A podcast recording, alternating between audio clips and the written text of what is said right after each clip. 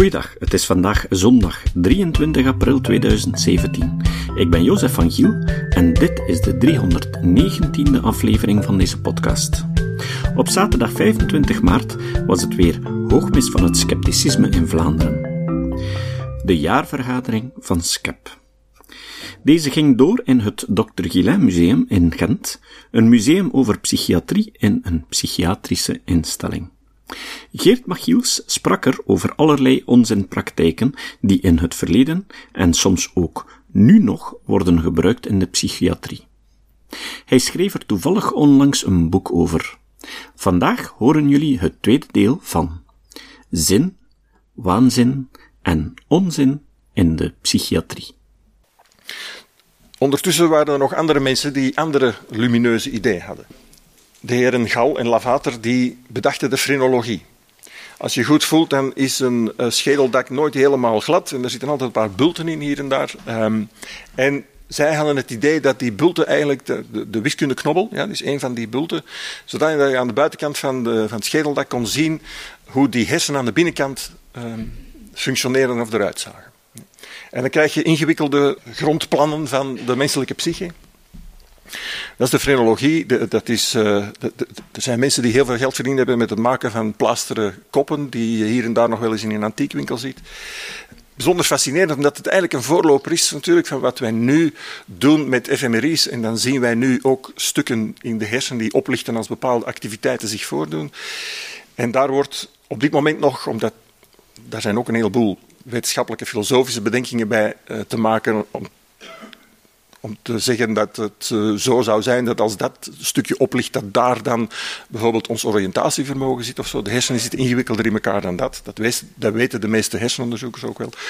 Maar als er te veel gedweept wordt met uh, hersendelen, of men heeft weer dit of dat gezien op een scan, dan moet je ook altijd een beetje denken aan de frenologie. We zijn er nog lang niet uit hoe die hersenen in de werkelijkheid werken.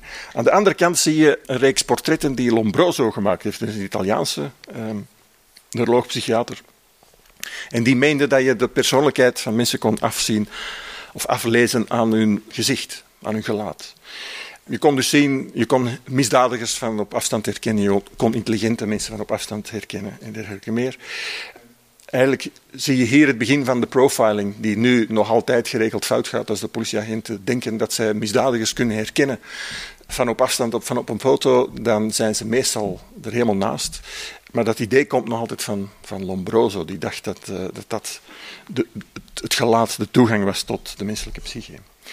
Dus ook hier iets wat, wat misschien uh, aannemelijk klonk, maar, en, waar vele mensen in meeliepen, en misschien nu nog altijd in meelopen, uh, maar wat op niks gebaseerd is.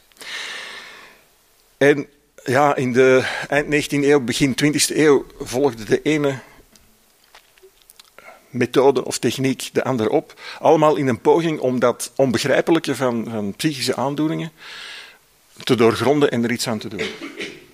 Uh, linksboven zie je uh, de man op de achtergrond met de snor. Die staat te kijken uh, met dat strikje. Dat is Julius Wagner Jaureg, Oostenrijkse neuroloog, psychiater. En die had bedacht dat er zoiets, dat uh, koorts, men, men, zag dat mensen die hoge koorts hadden, dat die soms zich achteraf veel beter voelden, ook helderder in hun gedachten waren. En zijn idee dus was, als we zelf koorts introduceren, induceren, hoge koorts, dan gaat dat misschien wel effecten hebben op de geestelijke gezondheid van de mensen. En wat deed hij? In extremis ging hij zo ver dat hij met malaria besmet bloed van mensen injecteerde bij uh, psychiatrische patiënten. Dat leidde dus tot koorts. Die mensen kregen gewoon malaria. Uh, als je geluk had, dan kwam je daar doorheen. Als je pech had, dan stierf je daaraan natuurlijk. Maar niettemin bleef hij beweren dat, dat, uh, dat hij daar goede resultaten mee had. Hij beweerde ook nog trouwens, want hij had nog een ander idee. Men dacht in die tijd, Freud dacht dat ook, dat veel masturberen zou leiden tot schizofrenie. Dus hij dacht, als ik nu die mannen die veel masturberen uh, castreer, dan gaan ze niet meer masturberen en dan gaat die uh, schizofrenie overgaan. Dat gebeurde niet, maar 15% van de mensen die hij zo opereerde, die stierven. En hetzelfde was ongeveer het geval bij die, bij die malaria, zelfs nog meer. Niettemin kreeg die man daar de Nobelprijs voor geneeskunde, 1927. Dus het zou nu wellicht niet meer kunnen, maar de, de hoop was toen zo groot dat als je met zo van dat soort lumineuze ideeën kwam, die halvelings gebaseerd waren op wetenschappelijke waarnemingen of achterliggende theorieën, die niet ver genoeg uitgewerkt waren en die zeker niet klinisch getest waren, daar kon je dus een Nobelprijs voor krijgen. Rechtsonder zie je een uh, elektrische behandeling van soldaten met shellshock, dus wat zouden wij nu posttraumatische stressstoornis noemen. Jonge mannen die van het front kwamen van de Eerste Wereldoorlog en die geparalyseerd waren, die, die echt uh, dusdanig ges, uh, getraumatiseerd waren door wat ze hadden meegemaakt aan het front dat ze niet meer konden praten, dat ze nauwelijks nog konden bewegen of een verlamd uh, lichaamshelft of uh, ledemaat hadden. En men dacht, we gaan de schok neutraliseren door een andere schok en we gaan er elektrische stroom doorjagen. Met soms verschillende gevolgen, omdat er hersenschade opgelopen werd of mensen zelfs zo lang geschokt werden tot er brandwonden ontstonden. Maar in de naam van de vooruitgang dacht men dat dat een goede zaak was om dat toch te doen. Nu, men wist dat spieren uh, werkten met kleine elektrische stootjes, dat die daarop uh, reageerden ook. En dus ook daar zie je weer dat er een connectie kan gemaakt worden tussen een, een, een theorie, fysiologisch uh, mechanisme waar men iets van afwist, en dan wat men uiteindelijk therapeutisch probeert te doen. Hetzelfde met uh, de fototherapie. Dat werd, mensen werden dan met licht ingestraald. Licht niet zo heel ver af van wat wij nu doen met het behandelen van seizoensgebonden depressie, dat men met lichtlampen goed effect heeft. Ja. Maar men dacht toen dat men met dat licht alles kon, en verschillende soorten frequenties, verschillende kleuren van licht kon en verschillende aandoeningen uh, genezen of behandelen. En in een vrouwelijke psychiatrische instelling, staat daar uh, rechtsonder, werd ook aan lichaamsbeweging gedaan. Dus het, uh, het bewegen in de frisse lucht en zo werd aanzien als iets wat uh, positief effect had. Een van de grote voorvechters van heel dat idee was uh, meneer Kellogg. De man bekend van de cornflakes. Maar die had toen een hele uh, gezondheidsbeweging. waarin die, uh, die cornflakes alleen maar een vermarkt onderdeeltje waren. Maar zijn groot idee was om, om mensen op gezonde plekken samen te brengen. en allerhande rituelen te laten ondergaan. En dit, deze twee foto's zijn in een van zijn sanatoria. waar hij dan ook nog eens geld mee verdiende natuurlijk werden veel vrouwen opgevangen. Hier zie je een andere ondertoon die loopt door heel de geschiedenis van de geestelijke gezondheidszorg. Men kan eraan verdienen. Ja? Um, Charcot werd er beroemd mee, Freud heeft er zijn uh, goed inkomen mee verdiend, Mr. Kellogg is er rijk van geworden. Uh, van zo gauw men aan problemen van andere mensen iets kan verdienen, dan gaat men er ook iets uh, mee doen en het al dan niet institutioneel uitbouwen. Nog een mooie is Henry Cotton, ook einde 19e, begin 20e eeuw. Men wist dat syfilis, daar zie je weer een, eh, de, de, wetenschappelijke bron van waar het vandaan komt, dat syfilis, als die lang genoeg onbehandeld wordt, dan krijg je, blijft, dan krijg je tertiaire syfilis en word je gewoon krankjorum gek van. Dat is het stadium wat wij nu helemaal niet meer zien sinds het bestaan van de antibiotica. Maar als je nog eens in een museum komt waar ze wassen beelden hebben van ziektes, dan moet je maar eens gaan kijken naar de, de syfilisgevallen tertiair. Dat is de, die mensen zijn helemaal vervormd, want het leidt tot verschrikkelijke uh, bulten en wonden. Maar dat slaat ook op de hersenen en mensen worden compleet uh, geestesziek. En dus Henry Cotton dacht van, ah, maar als, als, als dat soort gekte veroorzaakt wordt door een infectie, dan zijn misschien wel alle geestelijke problemen het gevolg van een infectie. Dus moeten we die bacteriën gaan bestrijden. Op dat moment hadden ze nog niet echt uh, de goede antibiotica om dat gericht te doen. Dus we gaan de broeihaarden van die bacteriën verwijderen. Ja. Dus hij begon met slechte tanden eruit te halen, de amandelen te verwijderen, en op de duur ook de milt en uh, de eierstokken en uh, stukken van de grote darm. Dus er werd op een grote schaal werden verschrikkelijke operaties uitgevoerd. In de hoop dat daardoor die psychiatrische patiënten beter zouden worden. De meesten stierven gewoon natuurlijk, want in die tijd, onder de chirurgische omstandigheden die er toen waren en een gebrek aan serieuze anesthesie en uh, antibiotica, was het natuurlijk een, een verschrikkelijk risico dat jij toen nam om dat soort uh, dingen te doen. Nog andere mensen kwamen nog op andere ideeën. Lobotomie is natuurlijk een heel bekend voorbeeld. Um, het schrijnende daarvan is dat Edgar Moniz, de neuroloog, de Portugese neuroloog die dat voor het eerst bedacht, dat als je het corpus callosum, de, de, de brug die tussen de linker en de rechter hersenhelft zit, als je die zou doorsnijden, dat daardoor uh, geestesaandoeningen zouden kunnen genezen worden. In het begin ging dat alleen maar over epilepsie, maar dat werd vrij snel uitgebreid. Hij had er al een aantal zo mensen geopereerd en hij kreeg daar in 1949, zit er ondertussen, toch nog altijd een Nobelprijs voor. Terwijl er absoluut geen enkel klinisch bewijs was dat die mensen inderdaad beter waren. De meesten waren wel van hun slaande waanzin vanaf. Maar ze waren dan ook helemaal lethargisch geworden. Je kan je voorstellen, als er grote stukken van de hersenen beschadigd worden, dat dan mensen als een soort van plant nog voortleven. Dus misschien zijn de, de psychotische problemen wel verdwenen, maar uh, er is iets veel verschrikkelijkers voor in de plaats gekomen. Niettemin ging een uh, Amerikaan, Walter Freeman, op dat elan door. Die had zelfs een, een mobiele lobotomie-kliniek, een soort van bestelwagen waarmee je door de Verenigde Staten reed. En uh, men, had dus, uh, men moest niet meer de hersenpan openleggen. Hij had het idee gehad om met een ijspriem door de oogholte uh, naar binnen te steken en daar zo'n beetje te keuteren in de voorhoofdskwabben. Je ziet daar rechtsboven my lobotomy voor mensen die is een uh, verschrikkelijk verhaal willen lezen, maar dat goed is redelijk goed is afgelopen. Die Howard Dully is een jongeman die toen hij twaalf was en een beetje ja, adolescente gedrag vertoonde en ook al een beetje uit een getraumatiseerde familie kwam. Die hebben ze toen, die heeft Walter Freeman toen geopereerd met die uh, priem in de hersenen gestoken. Hij heeft dat wel overleefd en is nog blijven functioneren. Gelukkig had Freeman blijkbaar niet dusdanige drastische schade aangericht dat die man nog kon leven en er achteraf een boek over geschreven heeft. Dus iemand die eens wil weten hoe dat dan moet gevoeld hebben, is dit het boek dat je moet lezen. Uh, maar ondertussen zijn er vele tienduizenden mensen, niet alleen in de Verenigde Staten, maar ook in Scandinavië en zo, onder het mom van nu hebben een moderne, technische, innovatieve ingreep om die problemen op te lossen. Dus we gaan dat ook uitvoeren. Een van de slachtoffers daarvan was Rosemary Kennedy, de zus van JFK. Zij was, uh, ja, had, een uh, ontwikkelingsstoornis, uh, een beetje ja, laag intelligentie, een beetje geestelijk gehandicapt. En zij is ook door die Freeman geopereerd geweest. En kwam dus van kwaad tot erger, kwam uiteindelijk in, in een, omdat ze zelf, zelfs niet meer kon functioneren, in een, een zorginstelling terecht. Dat was dan een van dit soort dingen, de asylums, de asielen, ook ooit begonnen in de met het geld van mecenassen in de tweede helft van de 19e eeuw, waar mensen werden opgevangen. Dit zijn er zo twee, één in Engeland, één in de Verenigde Staten. Dit waren geen kleine instellingen. Dit waren, zoals je van onder kan zien hier, dat is, dat is gewoon een, dorp. Daar, zaten, daar zaten duizenden mensen. De, grootste waren op dat moment in de Verenigde Staten hadden 10.000 bewoners, inclusief de, de verzorgers en zo.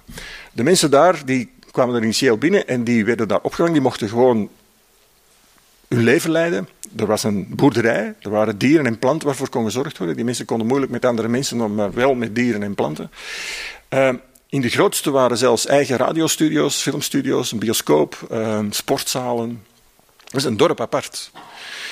Het idee in het begin was van, en dat was heel mooi gezien, dan laat die mensen op hun eigen tempo, uh, vanuit hun eigen behoeften, functioneren. Een beetje zoals dat in geel ook ging hè, en nog altijd gaat.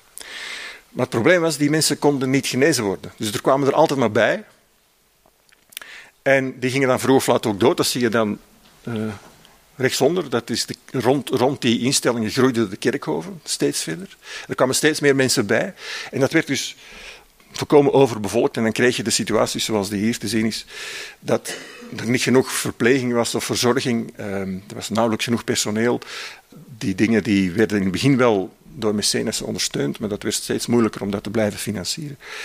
Mensen werden daar in koude baden vastgebonden en zo. En dat was uh, allemaal behelpen, omdat men niks, uh, niks beters wist. En toen Rosemary Kennedy uh, in een van die instellingen terechtkwam, ontstond er een tegenbeweging. Mede gestuurd door een aantal psychoanalytici die zeiden: we mogen het zover niet laten komen, we moeten al die asielen sluiten, die mensen moeten eruit, we moeten buurtgerichte psychische preventieve opvang doen, zodanig dat die mensen, want dat was natuurlijk het idee van de psychoanalytici, het ontstaat allemaal in een, in een traumatisch of een, of een pathologisch gezin. Ja? Dus we moeten ervoor zorgen dat er op die plek al gezorgd wordt voor de mensen dat er geen psychische problemen ontstaan. We moeten er snel genoeg bij zijn om dat onbewuste al te kunnen sturen. Mede met hulp van de familie Kennedy, die het lot van hun, van hun van hun kind zagen en daar iets wilden aan doen, werden die asielen allemaal gesloten, één na één. En het nadeel was, of het probleem, dat die psychoanalytici die dat zo graag wouden sluiten, niet gezorgd hadden voor opvang in de samenleving. Met als resultaat dat nu nog altijd in de Verenigde Staten de politie-sheriff de eerste psychiater is die mensen met psychische problemen oppikt. Er zijn een aantal grote steden in de Verenigde Staten waar de stadsbanken verdwenen zijn uit de parken, omdat daar die mensen die dakloos worden uh, op slapen en verblijven. Men heeft een aantal bibliotheken, openbare leesruimtes gesloten, omdat ze dan uiteindelijk daar ook terechtkwamen. Dus je, je ziet wat voor maatschappelijk impact dat dan heeft. Ook in Italië heeft men de psychiatrische instelling gesloten. Ook die mensen kwamen op straat terecht. Als je dan niet door een liefhebbende familie kan worden opgevangen, dan kom je dus al dan niet op straat en, in, en of in de criminaliteit terecht. En toen kwam tegelijkertijd kwamen de eerste psychofarmaca, de eerste geneesmiddelen, als je het zo mag noemen, die iets deden aan die psychische toestanden. Die in de hersenen konden ingrijpen, die neurotransmitters gingen beïnvloeden. Je ziet er hier, thorazine is een van de eerste antipsychotica. Uh, met een advertentie van die tijd. Men, men probeerde die, het, het, gewelddadige, het uh, afschrikwekkende, het angstaanjagende van dat gedrag van die mensen te onderdrukken. Men had er een theorie over. Hè. Men ontdekte, onder andere ook bij Janssen Farmaceutica hier in Beersen, de eerste neurotransmitters, die men kon gaan blokkeren of stimuleren. Dus men had een, een, uh, een wetenschappelijk model van wat men dan ging doen. En toen dacht men nog, aha, we hebben de dopamine-receptor ontdekt, die heeft iets te maken met psychose, dus als we die blokkeren, dan kunnen we die psychose oplossen. Ondertussen weten we dat er tientallen soorten dopamine-receptoren zijn, dat die gelinkt zijn in een heel ingewikkeld netwerksysteem en dat het niet zo simpel is om daar één uh, stofje in te smijten die een paar van die receptoren blokkeert. Maar goed, het optimisme toen was heel groot. Prozac is dan de eerste, het eerste antidepressivum geworden dat op, op grote schaal kon gebruikt worden, omdat degenen die ervoor waren veel te veel bijwerkingen hadden. Dus toen, dat verklaart ook waarom dat zo populaire middelen zijn geworden, omdat de bijwerkingen daarvan niet zo groot waren. Maar niettemin weten we nu, ondertussen 50 jaar, 60 jaar verder, dat dat allemaal niet zo fantastisch blijkt geweest te zijn. Ook de nieuwe generaties van die middelen blijken niet zo anders te zijn dan die oudere middelen. Uh, de bijwerkingen zijn groot, overgewicht bijvoorbeeld, metabole stoornissen. Um, en het is nog maar de vraag of die patiënten er zo mee gebaat zijn dat, um, dat ze zulke hoge dosissen van dat soort middelen krijgen. Dus daar zijn grote bedenkingen mee te maken. Iedereen in de psychiatrie is blij dat die middelen er zijn. Je kan er heel veel mee doen. Maar je moet ze bekijken als een soort van wandelstok waar mensen terug mee kunnen leren lopen en ondertussen via therapie en andere manieren om iets aan hun problemen te doen, kunnen proberen te overleven. En daarnaast loopt dan, en dat is een geschiedenis die al begint van voor Freud, eh, de psychotherapie. Men wist, en je ziet dat dan al in 1621 wist Burton het al, dat door, door mensen een, een uh, goede levensomgeving te geven, door ermee te praten, door aandacht te geven voor hun problemen, door ze te leren daarmee om te gaan, dat je verder kan komen. Psychotherapie helpt, zoveel is duidelijk, maar niet alle vormen van psychotherapie helpen. En als er één artikel is wat dat heel mooi inventariseert, is een uh, artikel van Scott Lilienfeld, um, kritische psycholoog, die samen met uh, vijf, zes collega's van andere universiteiten een groot onderzoek gedaan heeft naar, zoals hij het noemt, spurious therapeutic effectiveness. Men oorzaken van schijnbaar therapeutische effectiviteit. Wat heel dikwijls gebeurt in de psychotherapie, en dat gaat eigenlijk al terug op een, op een studie van Eysenck uit 1952 of 1953, die constateerde toen dat welke psychotherapie dat je ook doet, er zijn honderden soorten, er zijn drie grote, vijf grote families of zo, het is niet het moment om daar nu op in te gaan, maar die constateerde toen dat twee derde van de mensen beter werd welke therapie dat je ook gebruikte, en zelfs als je er geen gebruikte. Hij heeft nooit onderzocht waar dat aan kwam. Lilienfeld heeft dat nu proberen uit te maken. Je moet je voorstellen, dat iemand met psychische problemen bij een therapeut komt en beter wordt. Dan kan er van alles gebeurd zijn ondertussen. Ja.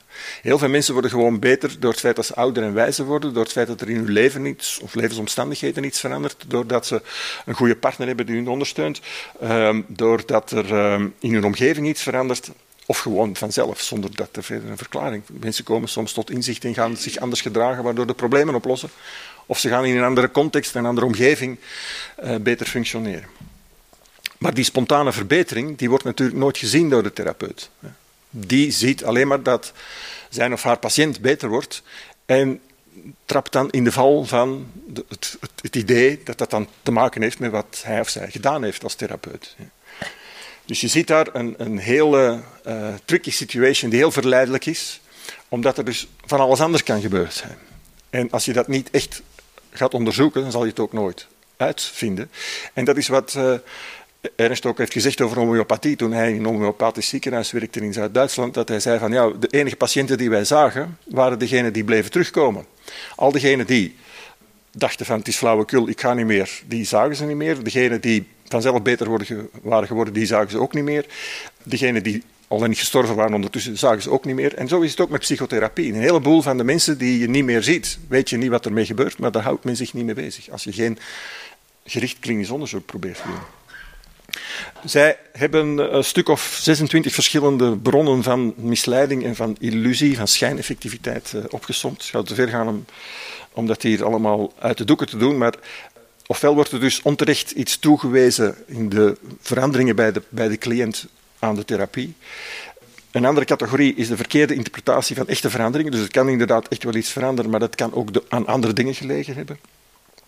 En een van die dingen bijvoorbeeld is dat uh, eh, 15% van de mensen zich al veel beter voelen in, tussen het moment dat ze de eerste afspraak telefonisch gemaakt hebben met de therapeut en hun eerste therapeutisch gesprek. Gewoon het idee al dat je goede voornemens hebt genomen, dat er hoop is op verandering en op beterschap, maakt dat mensen zich al veel beter voelen. Verklaarbaar via dopamine, waarmee wij ons lichaam onszelf beloont en zo. Als je iets goed, dat is waarom, de reden waarom wij ons zo goed voelen met nieuwjaar, omdat we dan goede voornemens maken. En dan heb je zo'n boost van. En dat is gewoon onze dopamine die ons een beetje een opsteker bezorgt. Maar dat speelt ook in, in psychotherapeutische um, situaties. Dus nogmaals, de, de, illusies liggen voor het oprapen om te denken van ah, wat ik nu gedaan heb met deze patiënt of cliënt, heeft die geholpen. Ja. Er kunnen heel veel verschillende dingen zijn die verandering kunnen teweegbrengen. En psychotherapie kan daar ongetwijfeld bij helpen, maar er zijn er dus eh, heel weinig die ernstig onderzocht zijn. De psychoanalyse heeft nauwelijks iets aan bewijsvoering in te brengen. Cognitieve gedragstherapie daarentegen zijn van de best onderzochte en dat blijkt in heel veel gevallen. Zelfs bij psychose, eh, wat dan het prototype lijkt van echt waanzinnig zijn, ook daar uh, blijkt dat te helpen. Het groot probleem bij heel de geestelijke gezondheidszorg blijft stigma. Zo, volgende keer vertelt Geert ons hoe stigma een belangrijk probleem is in de geestelijke gezondheid. Het citaat. Het citaat van vandaag komt van Woody Allen. Woody Allen is een Amerikaanse regisseur en acteur uit de jaren 80 van de vorige eeuw. Hij werd vooral bekend met films waarin hij een seksueel gefrustreerde figuur speelde, die God verloren was en hem niet terugvond en daarom steeds bij zijn psychiater moet zijn een psychoanalyticus. Allen was erg bezig met de ideeën van Freud. Woody Allen zei: God is dood, Nietzsche is dood en ik voel me ook niet zo lekker. Tot de volgende keer. Deze podcast is het resultaat van het werk van veel mensen. Rick de Laat verbetert bijna al mijn teksten en maakt de meeste vertalingen. Emiel Dingemans verzorgt onze website en Facebookpagina. Ook Leon Korteweg en Stefan Sutens schrijven, vertalen of verbeteren soms artikelen. Leon onderhoudt bovendien het YouTube-kanaal van deze podcast. De muziek van de intro en de trailer heeft Nick Lucassen geschreven en soms maken we ook gebruik van muziek van Ad van Nederpelt, die ons zijn prachtige composities ter beschikking stelt. Dit was de podcast Kritisch Denken. Vergeet niet om alles kritisch te behandelen, ook deze podcast. Voor verdere informatie over deze podcast, links en voor de tekst, surf naar www.kritischdenken.info. Als je deze podcast belangrijk vindt, kun je me steunen door anderen warm te maken ook eens te luisteren. Stuur een e-mail naar vrienden met een link naar de website en plaats de link in de handtekening van je e-mails. Tevens kun je op iTunes deze podcast een beoordeling geven of een recensie schrijven. Of je kan op je eigen website of blog een link naar kritisch denken plaatsen.